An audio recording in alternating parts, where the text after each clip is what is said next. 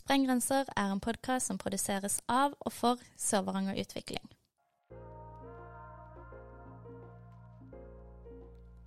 Hei. Jeg heter Edda, og sommeren 2021 har jeg bodd i Kirkenes. Jeg har vært så heldig at jeg har fått rett på en generasjonsreise gjennom Sør-Varanger, og det skal dere få lov til å være med på. I første sesong av podkasten Spreng grenser skal vi snakke med gjester som på hver sin måte og i hver sin generasjon har nettopp sprengt grenser. På denne måten skal vi sammen få et bilde av Sør-Varangers muligheter, men også utfordringer. For hvordan er det egentlig å være ung i Kirkenes? Og hvordan er det annerledes fra å være 30 eller kanskje 70 år gammel? I Spreng grenser ønsker vi å gjøre lokalbefolkninga og andre bedre kjent med Sør-Varanger gjennom menneskene som bor der.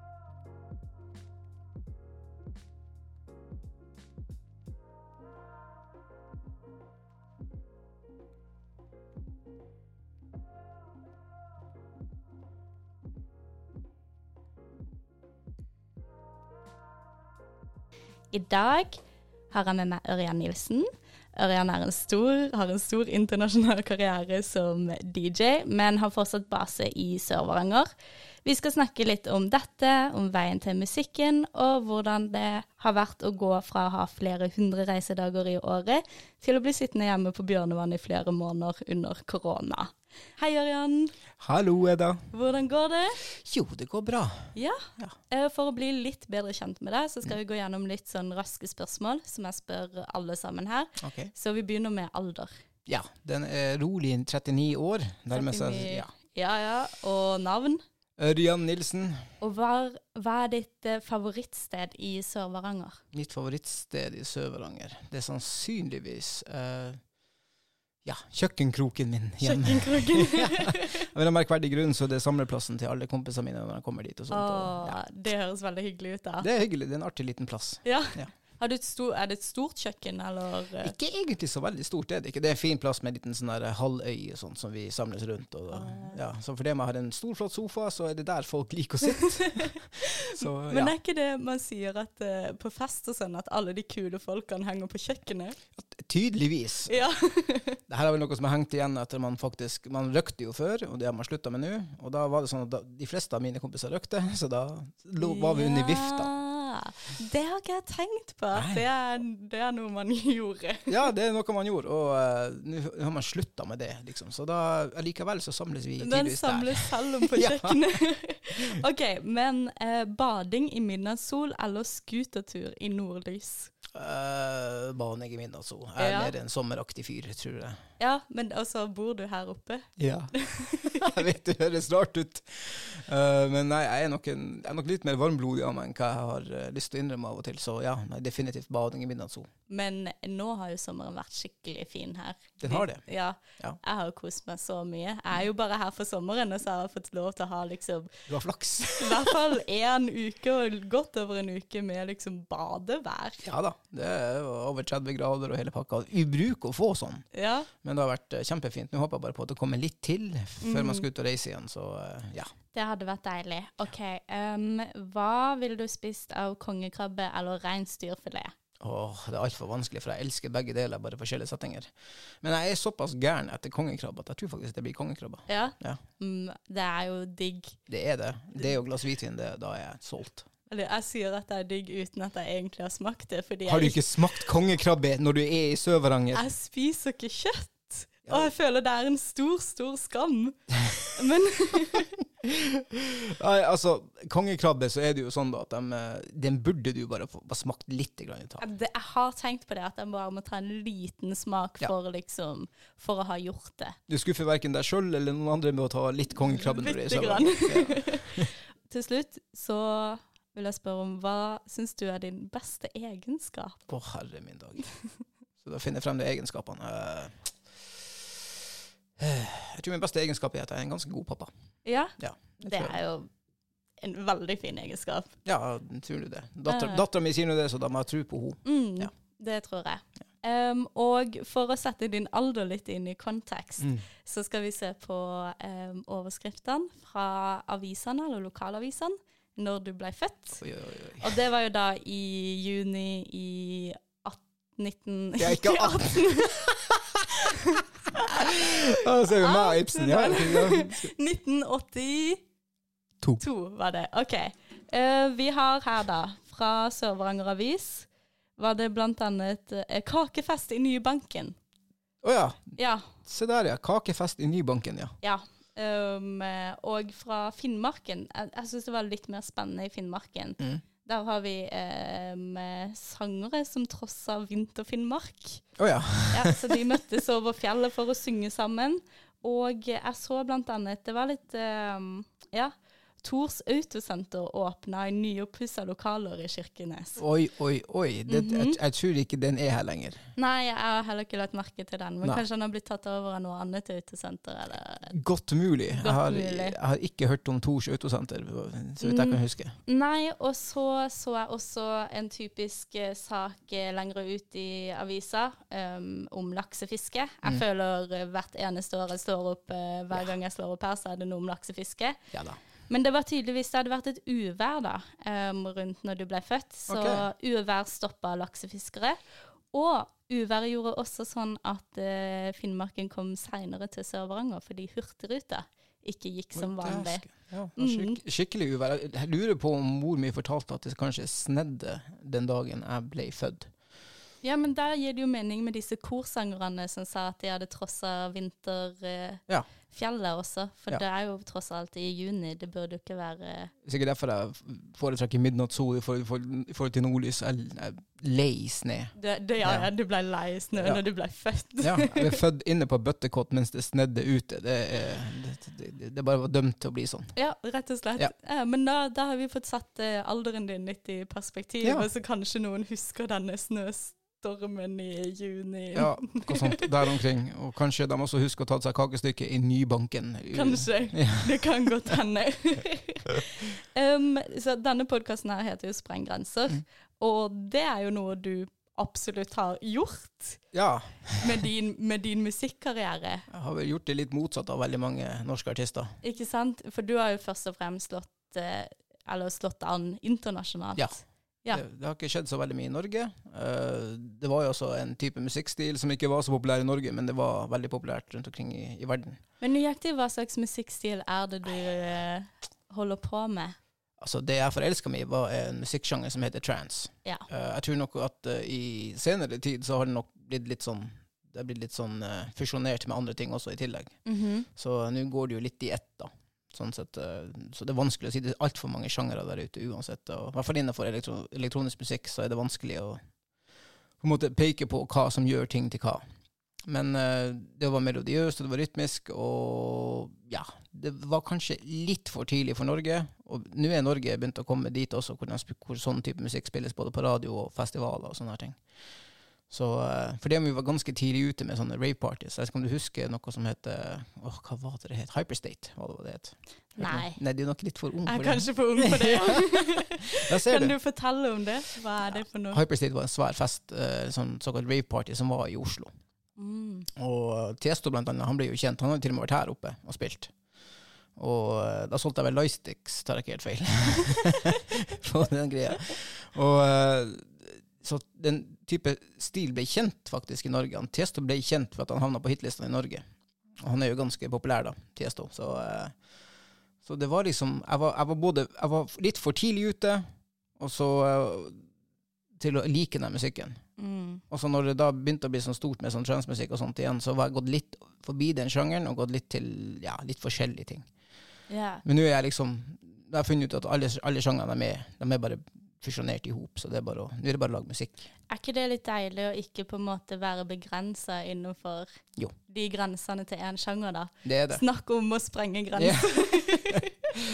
Og, men det, man får mye kjeft også. Gjør man? Ja, visst gjør man det, for man har jo, man har jo en, sånn, en sånn fanbase som er ekstremt også viktig for dem at du holder deg tro til den sjangeren som du var i. For de elsker ikke bare din musikk, de elsker sjangeren også. Så, så man, får, man får litt kjeft og litt dødstrusler. Det går ikke helt til dødstrusler. Ja da. Det var en kar som skulle finne meg og bombe huset mitt, fant han ut. Var, var det skummelt? Ikke egentlig, for det skal ta ganske mye motivasjon for å komme opp til Kirkenes.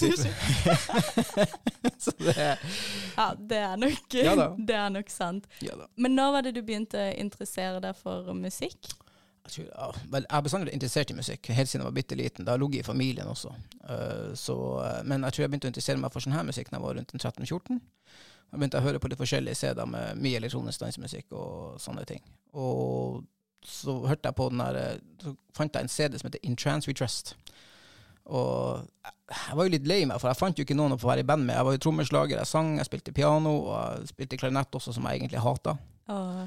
Men uh, jeg fant ingen å ha band med. Det var ikke noe særlig miljø for det. da. Det var ikke noen plasser å være, og ingen hadde utstyr, og det var ja, vanskelig. Og så fant jeg altså en sjanger hvor jeg kunne gjøre alt sjøl. Jeg kunne være bassen, jeg kunne være trommene, jeg kunne være hovedmelodien, jeg kunne være hva man måtte ønske. Og da falt jeg pladask for den og ble veldig interessert og begynte å laste ned program på datamaskinen som jeg begynte å lære meg med. Bare for å lære meg liksom arrangement på en sang. Så ble det nesten litt sånn at grunnen til at du har gått inn i denne sjangeren, var fordi miljøet i Kirkenes ikke var Det var ikke Det tilstedeværende var som ikke til overhodet. stede. Men vet du åssen det er nå? Er det noe musikkmiljø Det virker som det begynner å bli bedre, ja. mm. Eh, Det virker som at folk har begynt å få interesse. Og mye på grunn av at nå kan du, hvis du har en idé, så kan du veldig enkelt, hvis du har en laptop, sant, så kan du lett få den ned.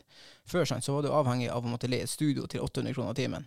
Mm. Og uh, vi hadde vel ikke noe særlig med studio, om vi i si- i hele tatt hadde noe studio her.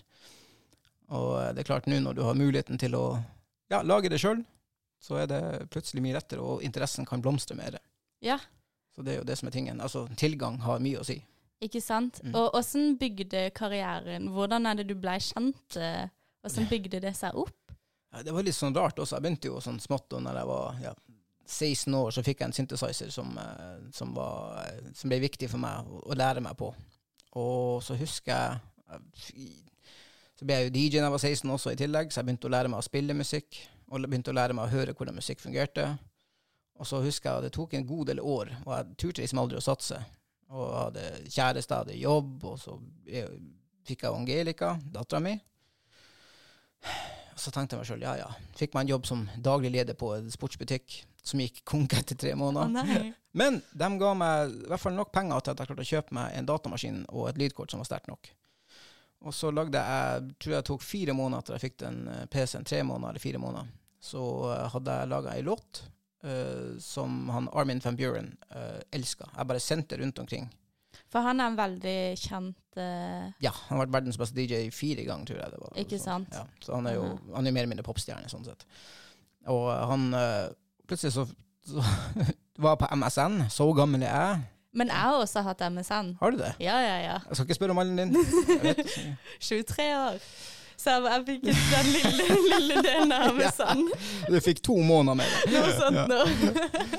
Ja, jeg også husker bare det at, det var en kar som la meg til det, så sto det A. Van Buren at hotmail.com. Jeg, bare, jeg flirte nå bare.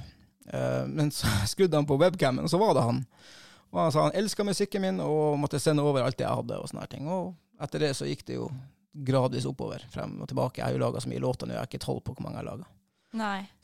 Men jeg har laga mange. Mange. Ja. Så han plukka deg opp, og så bare blei det Ja, folk likte det. Uh, de første to låtene han lagde, den ene havnet på tredjeplass på Dutch Dance Chart, og den andre havnet på første. OK. Så eh, det gikk ganske kjapt. Folk likte det jeg gjorde, Mm. så det var jo kjempeartig. Er det en egen liste for, eh, for transmusikk, Ja, ikke, ikke for transmusikk, nei, men for, for, for house og techno okay, og alt mulig. Alt sånt der. Så det var litt artig, for når jeg så at jeg lå på førsteplass, og på nummer to så var Tiesto. Så det var jo artig. Wow. Ja, det var artig. Da, var, da, da synes jeg da sto storkosa jeg meg. Hvilket årstall var dette? 2006, tror jeg. det var. 2006. Hvordan var det musikk ble delt ut uh, Delt ut da? Jeg fikk vinyl som promo. Så eh, ja, jeg, sendte av gårde Det var enda MP3, da. Så Ja, det var ikke sant? Så det, man sendte av gårde MP3. Og jeg, jeg har sendt CD også rundt, Ja. men det var noen år før. Og da var ikke det bra nok. Jeg tror det var 2002, tror jeg det var. Sendte av gårde et par CD-er. Okay. Men MP3 var mye enklere. Ja. Og så var det det listene også ble lagd ut på, da, at folk hadde lasta ned på MP3, det- eller var det CD? Da var det CD, eh, salg på uh, en del sånne portaler som var, og uh, vinyl. OK, ja. Så, og i, Nederland hadde ganske kraftig For alle vi DJ-ene på den tida, vi brukte vinyl. Sånn LP-plater og sånt. Og da hadde min solgt ganske bra, så da havna den fort opp. Så det var kjempebra. Uh. Så eh, nei, det var veldig artig. er det mye da um, DJ-er som kjøper din musikk for å spille den på klubber? Ja da, det er det Ja. mange som gjør. Ok. Så det, det er jo det man håper på at de skal gjøre også, sant. Det er jo det Mm. som er. Så det, ja, det Det artigste er jo å se at masse DJ-er spiller låtene dine. At du får support fra folk rundt omkring i verden. Ja, Jeg har jo vært i Mosambik og spilt, det trodde jeg aldri jeg skulle gjøre, men ja. kult. Og i tillegg så har man jo fått Man har vært flere plasser i Afrika og spilt. Jeg har vært på alle kontinent. Jeg tror ikke det eneste kont... Ja, utenom Antarktika. Det er litt vanskelig. Ja, Antarktis. er, Her kan det ikke være noe houseparty ja. der. hvis ikke det er noen forskere som kjeder seg noe jævlig. så ja, nei. Hvor er det rareste stedet du har spilt? Eh, en rockefestival midt i Slovakia, tror jeg det var. Oi. Det var en veldig bitte liten landsby der, hvor jeg bodde på et hotell. Jeg og manageren min var de eneste to som bodde der, føltes det ut som. Det var Et skummelt hotell. Det var litt sånn The Shining over hele greia. Og eh, ja, det var interessant. Da var det et bitte lite telt som jeg skulle spille i. Det var smekkefullt. Men det var liksom sånn der, rett ved siden av så spilte vel ACDC, tror jeg. Oi. Ja. Så det var interessant. Det var, jeg, jeg fikk i hvert fall eh, de fansen av den musikken, de var nå i det teltet der. Men det var, også, det var de to plassene som var. Du hadde hovedscenen med bare rockeband, og så hadde du mitt telt. Ja. det, var, det var litt interessant. Er jo, har du spilt på noen andre som festivaler med veldig store, andre store navn? Eh, ja, jo det, da. Det har man gjort. Uh, man har jo spilt med Tiny Tempa, man har jo spilt på samme scene som Prodigy, Swedish House Mafia, eh, alle de guttene der. Uh, men det også, Ja, og Knife Party og de guttene der også, selvfølgelig. Men det er litt sånn der Jeg tror vanligvis hvis man skal spille på en sånn scene så eh, ja, jeg kan jo nevne HV-festivalen. Der spilte jeg òg. Ja. Spilte jeg før John Newman. Så det var litt ja. Hvilket år da? Uh, ja, når var det? Var det 13-14? Jeg tror jeg var der. Var du der? Ja, jeg var der! ja, se der. Jeg spilte var jeg, ok, det var første året jeg fikk lov til å gå på festival, men jeg fikk ikke lov til å sove der. Men jeg er fra Kristiansand, så da kan man ta bussen Til til Arendal, ja. Så meg og en venninne tok bussen til, og så var vi der hele dagen, og så tok vi nattbussen tilbake. Oi, dæsken. Så da, og jeg husker at jeg så John Newman, men jeg kan ikke huske at det. Nei, nei. Dessverre ikke. Men Nei da. um, jeg husker scenen og alt sammen. Ja da, det var, det var kjempeartig. Uh, det var så vidt vi fikk oss et flaske vann mens vi sto der. Å, seriøst. ja. Det var nok ikke Det var jo artig å spille der, de har gjort det også. Det var jo noen, det var jo noen fans der også. Men eh, det var et litt spesielt oppsett, okay, det må man jo si. Med å ha eh, Så det var greit nok han DJ Friendly, det var vel hans scene i starten der. Og så var det meg, og så var det John Newman. Og det Ja. var litt, det, det var litt uh, sær kombinasjon. Ja, hvis jeg husker riktig, så tror jeg så John Newman kom ganske seint på scenen, eller Jo da, de brukte litt tid på å gjøre seg klar. Ja. uh. Så uh, egentlig så kunne jeg teknisk sett ha, begynt, ha spilt enda en halvtime til. Men um, det, det var steindødt der en stund. ja, ja, for akkurat det husker jeg skikkelig godt. At vi bare var sånn Hva skjer nå? Ja. Vi bare satt der og Ja, nei, det lurte vi også på. Jeg var jo der enda en liten stund etterpå for å høre på paret av John Newman sine. Men uh, jeg kjente meg ganske kjapt etterpå at jeg var nødt til å komme meg av gårde, for jeg skulle reise dagen etterpå igjen. Okay. Så jeg var på Hovefestivalen, og så for jeg vel rett til Canada etter det, tror jeg. Oi. Så jeg var, jeg var litt sånn trøtt i trynet. Jeg kom fra Canada òg, Ja. Du kom fra Canada, dro til Hovefestivalen, og tilbake til Canada. og tilbake til Ja. Canada. Men det var jo siste året til Hovefestivalen. Ja, så jeg fikk, jeg fikk med meg Hovefestivalen, så jeg er glad for det. Akkurat. Ja, jeg er også glad for at jeg akkurat fikk det med meg. Ja, interessant at du har vært der. Når Ja! jeg gikk glipp av meg. Det var en halvtime for sein. ja, Men det kan godt hende. Jeg hørte det sikkert. Jo da. Ja, ja, ja. Det var lyd nok der, det skal de ha. Så det var, ja. Det var, Det er utrolig gøy, da, men det viser jo kanskje at eh, når man til og med har vært på en festival og kanskje sett, hørt det spille, men man ikke er klar over det. Nei, Selv etter at jeg har researcha deg i, i noen timer i dag, så sies, det står ikke veldig mange, mange overskrifter om den HV-festivalen som jeg var på. Det gjorde det ikke. Nei, det Det gjorde det ikke. Um, Men selv om du bor her i Eller selv om du har en så internasjonal karriere, Mm. så bor du jo fortsatt i Kirkenes. Mm. Og det um, Jeg skal spille av her fordi um, vår gjest fra forrige uke, eh, Linn, Mm. hun hadde et lite spørsmål om det. Ok. Ja, så nå skal vi høre det her. jeg lurer på hvordan det er å være så kjent rundt i verden, men allikevel em, være litt anonym her, at ikke alle vet hvem du er, og om du syns det er bra eller dårlig. Godt spørsmål. Ja. Eh, for å være helt ærlig, så har jeg så, så trives jeg veldig godt med det. Nå kan jeg ikke si at jeg er så veldig anonym i Kirkenes, for her tror jeg alle vet hvem jeg er.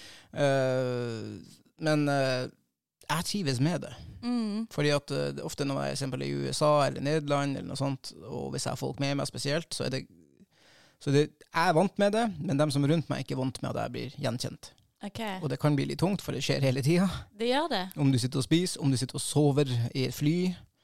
Uh, men uh, å komme hjem og bare være meg, det er noe av det deiligste som fins.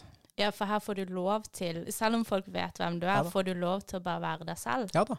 Jeg Ah. tar litt bilder av og til og tar et par autografer til noen som vil ha, og det går, det går helt fint. Og som sagt, jeg trives jo med å gjøre det også, så det er ikke noe problem. Men her oppe så er det jo Ja, det er bare en ørjan. Ikke så Mhm. nøye. Det er- det høres deilig ut. Ja, det er faktisk fantastisk deilig. Uh, er det en av grunnene til at du har valgt å Kirkenes er jo hjem. Altså, Mm. det er jo hjem her. Jeg har familien min her, og dattera mi spesielt, da. Uh, og trives med å bo her. Nå skal sant sies, nå gjør jeg det jo ekstremt logistikkmessig dumt for meg sjøl å bo her oppe. Ikke sant? Men- ja, hvis du flyr til og fra Canada på uh, Ja, jeg har i verdens verste reiseruter, så det Men jeg har ganske mye eurobonuspoeng, så det går bra. Så, eh, men eh, sånn generelt sett så er det Jeg skulle gjerne hatt en base en annen plass også i tillegg. mm. Så jeg har drevet og snust litt på tanken om kanskje å ha en plass i New York eller i Vancouver. Okay. Så fordi at jeg er mye borte i statene. Mm. Uh, så, men for å svare på Lindsets spørsmål, jeg elsker det faktum at jeg er bare Ørjan her hjemme. Det er helt nydelig, og jeg har ikke lyst til å bytte det mot noe. Nei. Nei. Så bra. Ja. Eh, nå har du jo vært veldig mye hjemme pga. Mm. av korona. Ja. Hvordan har det vært?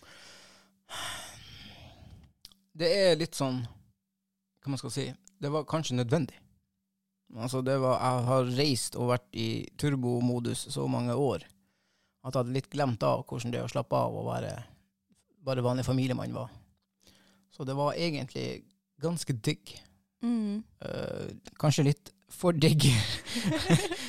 for det var litt sånn at fall første tre-fire månedene så var det faktisk bare som en lang ferie. Mm. og jeg kunne bare slappe litt av, og jeg hadde ikke noe sånn deadlines på noe som helst, omtrent, fordi det var ikke noe å ha deadlines til. Og det var faktisk helt nydelig. Men så begynte det å krible. Ja. Så, eh, og da kjente jeg det, og det kjente jeg i hvert fall nå, når sommeren begynner. Da er kroppen går i en egen modus. Det er akkurat som du bare vet ok, nå skal du være klar, nå skal du gjøre deg klar til å dra på turné. Så jeg går litt og er litt sånn on edge hele tida. Mm. Men eh, ja, man har, man har jo levd litt for rolig også, da. For jeg hadde jo samme livsstil når jeg kom hjem som når jeg reiste. Bare at når jeg var ute og reiste, så var jeg hele tida i bevegelse. Å ja, ja, ja. Så jeg klarte å få meg diabetes. Å nei! Jo da. Så jeg klarte å få det, jeg fikk det påvist i januar, og nå er jeg kvitt det igjen. Ja, ja, men det var jo en lykkelig slutt. Jo da. Jo, jeg fant ut at eh, det var på tide, for man ble så, man ble så slekk. Man ble liksom sånn man hadde liksom ikke energi til å gjøre noe, for det var, det var ikke noe å få energi ut av. mm. Og klart det, når man mister hva kan si, eller i hvert fall putte levebrød på pause, så var det litt sånn eh, Jeg visste ikke helt hva man skulle gjøre, så jeg begynte jo begynte å game litt, og begynte å produsere mye og være tilbake til den der eh, geek-modus som man var før, hvor man hadde mer tid hjemme, og jeg sette meg inn i det. Så man eh, Og da, det, blir, det blir mye stillesitting. Mhm. Og da, når man fortsatt spiser like mye og drikker like mye, så blir det litt sånn her, ja, da blir det litt sånn feil. i forhold. Ja. Uh. Så uh, kroppen klarte ikke å handle det helt. Uh, og det ser jeg jo også nå, da. Takket være det året her, så har jeg fått masse ting i perspektiv. ja. Nå blir jeg ikke å leve sånn som jeg gjorde før heller, sant, når jeg er ute og reiser. Det ser jeg jo sjøl også.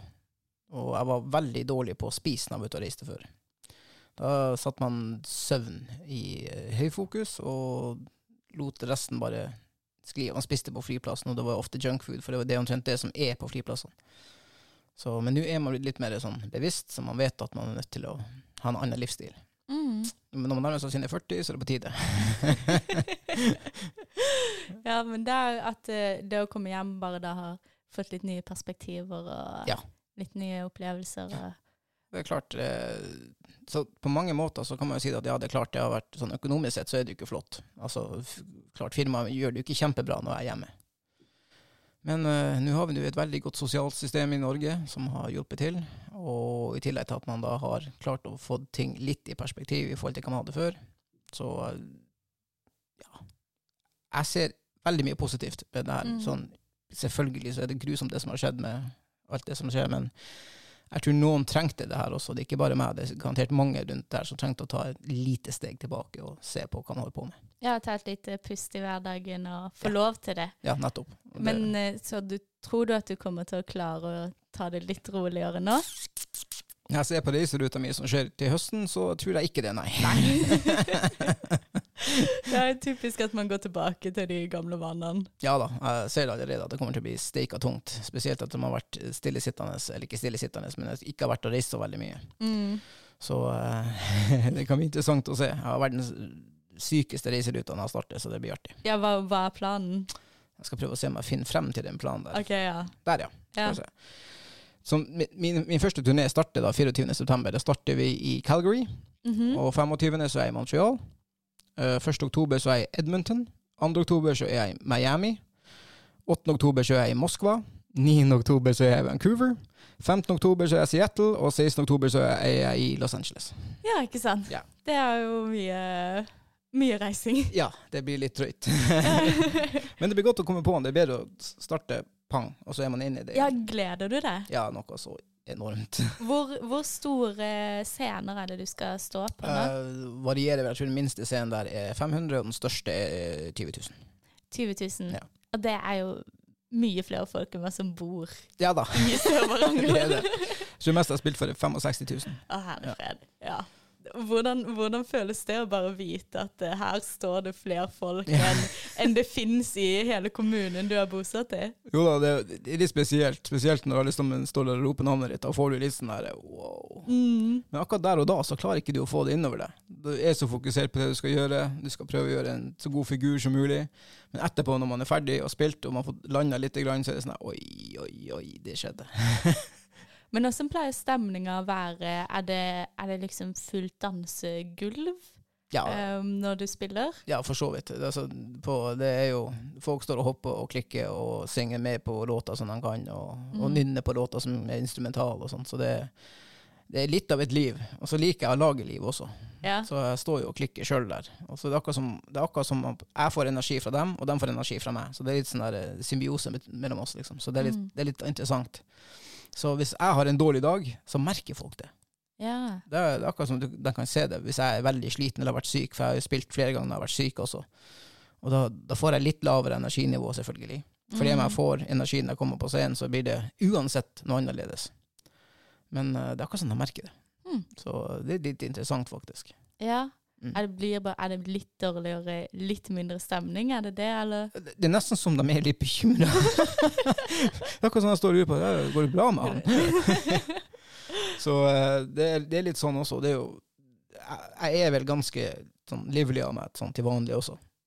Så det er litt sånn at uh, hvis jeg har en dårlig dag, at jeg er i dårlig form eller syk eller sover veldig lite, eller et eller annet, så merker folk det veldig fort. Mm, ok. Så det, og jeg merker det sjøl også. Sant? Så, Ja. ja. Men eh, klarer du Blir det mange dårlige dager når man reiser så mye og Overraskende lite, egentlig. Man skulle tro det. Det er, som sagt, det, det er noe med å gå på denne scenen som gjør at noe bare skjer oppi hodet på meg. Mhm. Jeg, jeg, jeg, det høres så utrolig teit ut, men jeg går fra å være Ørjan til å være Orgin Nilsen. Det er akkurat som, at- akkurat som det er to vidt forskjellige personer. Ja. For når jeg går av scenen, så er det bare sånn Oi, ja, der skjedde det. Uh, kan du beskrive den uh, følelsen? Uh, Det er jo en helt vanvittig følelse. Jeg, jeg står jo bare og smiler omtrent hele tida. Jeg er såpass Det her har vært drømmen sant, også siden man var tenåring. Mm. Så man faktisk får stå der og se at det her skjer, så det er litt sånn at Ja, det er litt en sånn her utenomkroppslig opplevelse, på en måte. Ja, Så det, det er liksom sånn at du står og ser på at du gjør det. jeg skjønner. Ja. Em, og var det sånn at du begynte DJ-karrieren din litt på Ritz? Ja da, jeg begynte Ja. på Ritz, og så spilte jeg, jeg spilte i bursdager, jeg spilte på julebord, og jeg spilte på militærfester. Jeg har sett mye rart. så man har, man har jo gått den der faste DJ-ruta også, selvfølgelig. Ja, ja, ja. Og de årene ville jeg ikke ha vært foruten. Jeg syns nesten synd på dem som bare lager musikk, og plutselig så må de ut og være DJ. For de har Mm. egentlig ikke peiling på hvordan man skal på en måte lese publikum, sånn sett. Ja, jeg Så det, jeg er veldig glad for at jeg fikk de opplevelsene der. Eh, At du fikk lov til å være litt på Ritz. Ja. Det var skøy. det tror jeg på. Ritz er jo et morsomt sted. Ja da, det er et artig sted. Spilte der i flere år, tror jeg. Ja, gjorde ja. det. Uh, mye, mye militærgutter. Ja da, det, det er egentlig ganske mye der. Nå er det jo omtrent eneste plassen igjen. Ja, ikke sant? Det er jo Jeg må vel kalle meg, min, det er jo en, en annen drøm som jeg har, å en gang lage en klubb her oppe som kan, jeg kan bruke. Å, det hadde vært Vi kult. sitter ved siden av det bygget som jeg egentlig vil ha. Ja, Malmklang? Mm. Å, det hadde vært sykt tøft. Ja, det er drømmebygget mitt. Jeg laga en del fester på det bygget der òg. Du har det? Ja da. Å, gøy. Det er uh, Vi hadde egentlig også lyst til å arrangere noe der, men vi fikk ikke lov. Nei, det er ikke regulert ennå. Nei. sånn er det. Men hvis, du, hvis det blir noen klubb eller noe der, så kommer jeg med en gang. Ja, det det da, da flytter jeg til Kirkenes. OK, men jeg skal huske det. Den er grei. Nei, Du kommer i hvert fall på helgebesøk. Ja, du skal få deg VIP hvis jeg, hvis jeg får ordna klubb der Ah, borte. yes. Yes. det husker jeg. Ja da. Um, jeg skal også eh, spille av et lite klipp som eh, Oda, som eh, var vår første gjest Mm. uh, i podkasten. et veldig fint poeng som jeg syntes hun kom med. Hun er nettopp ferdig på videregående og er megakeen på å komme seg vekk fra okay, ja. Kirkenes. Um, og så kan vi høre litt hva hun hadde å si. De som drar fra Kirkenes, tror jeg har en helt annen måte å møte mennesker på, og en helt annen måte å møte problemer på enn de som kommer fra storbyer. Og det er også sånne ting som man må ta med seg. Og det vet jeg jo at man på en måte er litt mer sånn OK, vi bryr oss ikke. Den, her, den innstillinga sånn, hvis det er noe som ikke går helt din vei, men jeg bryr meg ikke, liksom. Det, jo- Mm. det går kanskje neste gang. Så tenker du da at det er, det er en fordel å komme herfra når man skal ut i verden? Jeg vil på en veldig stor måte si at det er en veldig, veldig, utgang, altså veldig bra utgangspunkt å komme herifra. Er du enig i det? At det er et bra utgangspunkt å komme fra, fra Sør-Varanger når man skal reise ut? Jeg syns vi er noen kjernefolk hele gjengen, men, men jeg tror det kan være både og. Det kan jo være kommer an på hvilken person det er. Det er veldig individuelt, egentlig.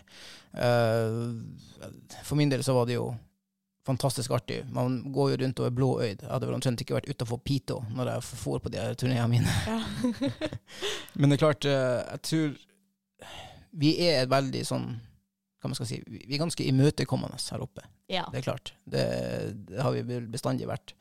Og det er også en fin ting å ta med seg. Vi, vi liker å bekjempe nye folk, nye kulturer, nye, se nye plasser. I hvert fall de fleste av oss, da. Mm. Og hvordan skal man si det? For min del så har det vært sånn at jeg, jeg blir veldig fort bestevenn med folk. Det vil si at jeg prater veldig enkelt med folk. ja. Og det er det ikke alle land og storbyfolk som gjør. De er litt mer reservert. Uh, og det sjokkerer noen, uh, mens 90% av tida så er det bare positivt. Mm. Så uh, ja, jeg tror faktisk jeg er litt enig. Ja. Det, det, det å komme herifra er kanskje ikke det dummeste når man skal ut og bli kjent med folk. jeg syns også det du sier med imøtekommende, jeg har Mm. vært helt nesten overvelda over hvor imøtekommende folk har vært her Det var så koselig. Ja, men, Ja, men det har vært så utrolig fint. Og selv om jeg bare er her for en sommer, så føler jeg liksom at folk har tatt meg veldig godt imot. Det er godt å høre. ja, Men da har vi gjort jobben vår. ikke sant? og det er jo ikke noe selvfølge at man skal gjøre det. Nei. Du, jeg hadde litt sånn eh, Jeg tenkte sånn Ja, jeg skal opp til Kirkenes, og så skal jeg, da skal jeg bli komfortabel med å være aleine. Og jeg skal jobbe med meg selv. og så kom jeg opp hit, og så har ikke det skjedd i det hele tatt. Nei, det nei. var Det er ikke sånn vi fungerer her oppe. Nei, nei, nei. Sånn er det jo også. Vi har, det er jo faktisk veldig mange som jeg kjenner også, som har dratt herifra til Kristiansand. Mm. Og jeg har jo blitt kjent med en haug med folk fra Kristiansand i tillegg, og dere er jo også kjempekoselige. Ja, takk, takk. Ja, jeg elsker å få spille der nede, så det, og jeg elsker å få på besøk der, så det er Nei, jeg tror vi er, kanskje vi er litt på en måte litt like, bare litt forskjellig energinivå, kanskje. Jeg vet ikke. Ja, det kan hende. Ja. Men at det er liksom de ytterpunktene de møtes, og noe med å begynne på KI. Og så er det bare rare folk på midten, eller sånn. Ja, ja, ja de, de trenger vi ikke å bry oss noe om.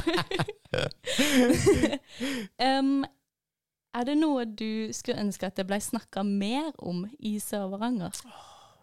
Ja, det er det jo. Egentlig ganske mye, men det, det er jo ikke bare i Sør-Varanger, det er landsbasis også. Ja. Jeg, jeg kunne tenkt meg mer fokus på psykiatri Mm -hmm. uh, generelt, spesielt her oppe kanskje, i Finnmark. Ja. Ja. Uh, så kunne jeg gjerne tenkt meg at de har hatt litt mer eh, kultur som går forbi Ja, bare Hva man skal si Det kan være litt populærkultur også, som kan være litt uh, inn i bybildet, syns jeg. For det er klart at det, fordi om det er veldig mye flott uh, kultur og kunst rundt omkring i verden, så er det også en del ting som uh, jeg syns burde også blitt satt litt mer pris på. Mhm. Nå har Kirkenes begynt å komme seg, blant annet Grenseløsfestivalen, sånn som han Stian Labba holder på med, er jo fantastisk. Ja. Og uh, det samler folk hvert eneste år. Han er jo faktisk også en av mine nærmeste naboer, og min norske agent. Ikke sant? Så det er ikke å, det er ikke bare for å selge han, men det er fordi han har gjort en fantastisk jobb. Det har han gjort siden jeg var ung. Han er jo en av grunnene til at jeg elsker denne musikken. Mhm. Så eh, ja, jeg tror det er de to tingene som jeg tenker mest på nå. Og så kanskje litt at man burde få litt mer industri opp hit, bare for å få det til å gro litt. Ja. Få litt mer eh, Ja, i det øyeblikket du, et, et, en kommune gror og spir med, med økonomi i tillegg, sånn, så er det så mye ringvirkninger rundt det som jeg har veldig lyst til å kunne skjedd i Kirkenes. Mm. Ikke for mye, men nok til at folk fall kan bli interessert i å komme opp hit og sånt. Ikke sant? Ja. Når du sier psykiatri, og Mm. spesielt i Finnmark, hva Ja. legger du i det? Vi har jo en både høy selvmordsrate, vi har høyt og med angst og depresjon. Øh, jeg har annet en nær familie som, har, som sliter med det, og jeg syns ikke det er nok tilbud. Nei. Jeg syns ikke nok tilbud lokalt, jeg syns ikke det er nok tilbud til å kunne bare ha samtaler med folk. Og kanskje man får én samtale i måneden, det er ikke nok for folk som sliter med ting. Nei, nei. Så øh, jeg syns at det burde vært mye mer på agendaen til både politikere og helsesystemet vårt. Øh, for psykiatri har direkte innvirkning på vår fysiske helse også, så det Mhm. Derfor syns jeg, og spesielt som sagt her oppe i Finnmark, så er det et alvorlig problem. Ja. Ja. Og det blir jo kanskje Tilbudene blir jo også ofte dårligere når det er Ja. så lange avstander og Hva vi er 50 000-70 000 i Finnmark hvis vi er så mange? mm, ja. Jeg husker heller ikke. Nei, jeg husker heller ikke hvor mange som vi er i Finnmark generelt sett, men det er klart det at det burde være en ting som burde bli Ja. Ja. Mm. Det er sikkert færre i Finnmark enn hva du har spilt på foran ja, Jeg tror faren min regna på det der, og hadde vi spilt ca. samme antall, det var mer enn Tromsø, tror jeg det var også. Ikke sant? Så, det, var litt, det var litt artig. Ja. Jeg, jeg så omtrent ingen, jeg så bare haug og never som bare for vifta Som i. vifta. Men det så tøft ut. ja, ja.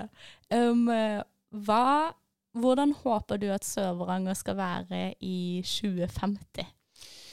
Åh, jeg håper at det er et eh, spennende sted med litt mer kulturaktiviteter. eh, et blomstrende sted hvor faktisk folk har lyst til å komme og bo og bli mm. her. Uh, mer uh, plasser for utdanning. Kanskje man kan, kan få en høyskole etter hvert. Det hadde vært kjempeflott. Det er en liten drøm som jeg har. Og fortsatt være den nydelige, rolige plassen som det fortsatt er. Mm. Bare kanskje litt mer uh, livlig. Ja. Ja. Hvordan føler du at du kan være med og bidra, bidra med det? Har Nei, det var jo en annen da, som jeg skulle Det er der er 100 Ja, jeg har ikke lyst til å gjøre noe sånt og ha et lite utested hvor man kan ha ja, litt, Mannklang er såpass, såpass stort at man kan faktisk få en del folk inni der. Og da kan man også få litt større artister som kan komme, så det ikke bare er de samme vanlige DJ-ene som står og spiller. Og, Ja. Ja. Uh, nei, det er um, Jeg har jo min uh, studiebakgrunn som byplanlegger, og det er liksom en ting vi ofte tuller med. Sånn, alle steder må jo bare ha flere uteplasser, Ja. så vil så vil alt ordne seg. Men eh, jeg har spurt deg nå om hvordan du, du håper at Sør-Varanger skal være i Mhm. 2050. Hvordan tror du det kommer til å være?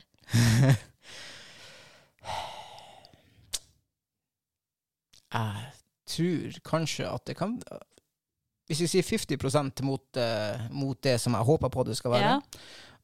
og 50% realistisk Ja. Så hvis vi møtes en plass på midten der, så tror jeg kanskje at vi er litt der. For jeg tror det kommer til å øke her, og jeg tror at uh, folk kommer til å se nødvendigheter både for industri og høyskole her oppe. Mm. Vi er et flott område, vi er et viktig område, og jeg tror nok at de nede i sør også ser det. Det virker Eller kanskje ikke virker sånn, det, men jeg tror også det. Jo da, de, de, de har vel litt sånn Det, det, det er vel litt uh, pga. regulativer og sånt angående hva man kan gjøre med industrimessig og sånt, som har stoppa hittil. Men Mm. så får man jo se, da. Til syvende og sist så er det jo sånn at vi vil gjerne holde det her i live, og da må noe skje. det må noe skje. Ja. Rett og slett, det er jo Fraflytning er jo et problem her, som mange det. andre steder. Det er klart. Ja, det er jo litt sånn Det med fraflytning er jo en global trend, så det kan være litt vanskelig å prøve å snu det. All, alle vil jo sentralt, det er det Mm. som er tingen. Men så er det jo også det da at uh, har man industri, så kan folk fortsatt uh, liksom bo sentralt. Men det vil fortsatt uh, levnes mer penger til kommunen også. Og hvis kommunen har penger og har mer tilbud til ting og tang, så blir det også mer attraktivt å bo her. Og spesielt hvis du har høyskole i tillegg. Da får du plutselig en 400-500 stykker som skal ha høyere utdanning, som bor her i tillegg. Mm. Så. Det, da satser vi på Vi satser på håper Ja. med en dritfet eh, klubb på Malmklang. Å yes. Uh, og så får vi se. Jeg er så klar, du aner ikke.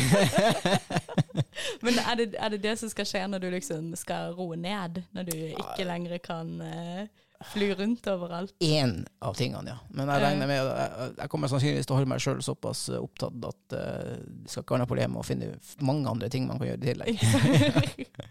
um, neste uke Mm. så skal jeg ha besøk av uh, Conny, Conny, som Mm. heter Conny. Og hun er, hun er, begynner, hun er liksom generasjonen over deg igjen. Ja. Hun er 40 år nå. Jeg husker ikke helt nøyaktig hvor gammel hun er. Nei.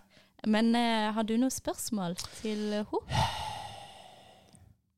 Kunne hun tenkt seg en klubb på Monkland? Det er et dritbra spørsmål. ja, altså, jeg må jo bare sjekke. Det er Ja, ja. markedsundersøkelse i tillegg. Så, ja. Jeg kan spørre alle gjestene fremover om Det det. kan- syns jeg er en kjempeplan. Det hjelper jo meg mye også. Ja. Det blir litt en sånn statistisk sentralbyrå for min del. um, og så skal vi ha gjest helt opp til 80 år. Er Ja. det noe du kunne Skal vi spørre om Malmklang der også, eller Nei, er det da, noe da, kan, mer? vi- da kan vi kanskje ha et annet spørsmål. Mm. Uh, hvordan var det når eh, Kirkenes var på sitt beste industrimessig? Hvordan var livet i byen da? Mm, det er et skikkelig bra spørsmål. Det gleder jeg meg til å få svar på. Ja, òg. Ja. Men eh, Ørjan, Ja. tusen tusen takk for at du har vært gjest i podkasten Spreng grenser. Tusen takk for at du ville ha meg. Det vært skikkelig hyggelig å bli kjent med deg. I like måte. Og så um, ses vi på Malmklang og Definitivt på VIP-en. på? VIP-en, ja Det ja. høres ut som en god plan. Yes. Men da må du komme tilbake igjen. Det er det som er Ja ja. Ja, det er viktig. Ja, det gjør jeg. Dette her har vært podkasten Sprenggrenser, som er produsert av Sør-Varanger Utvikling, med meg, Edda og Ørjan. Ha det bra!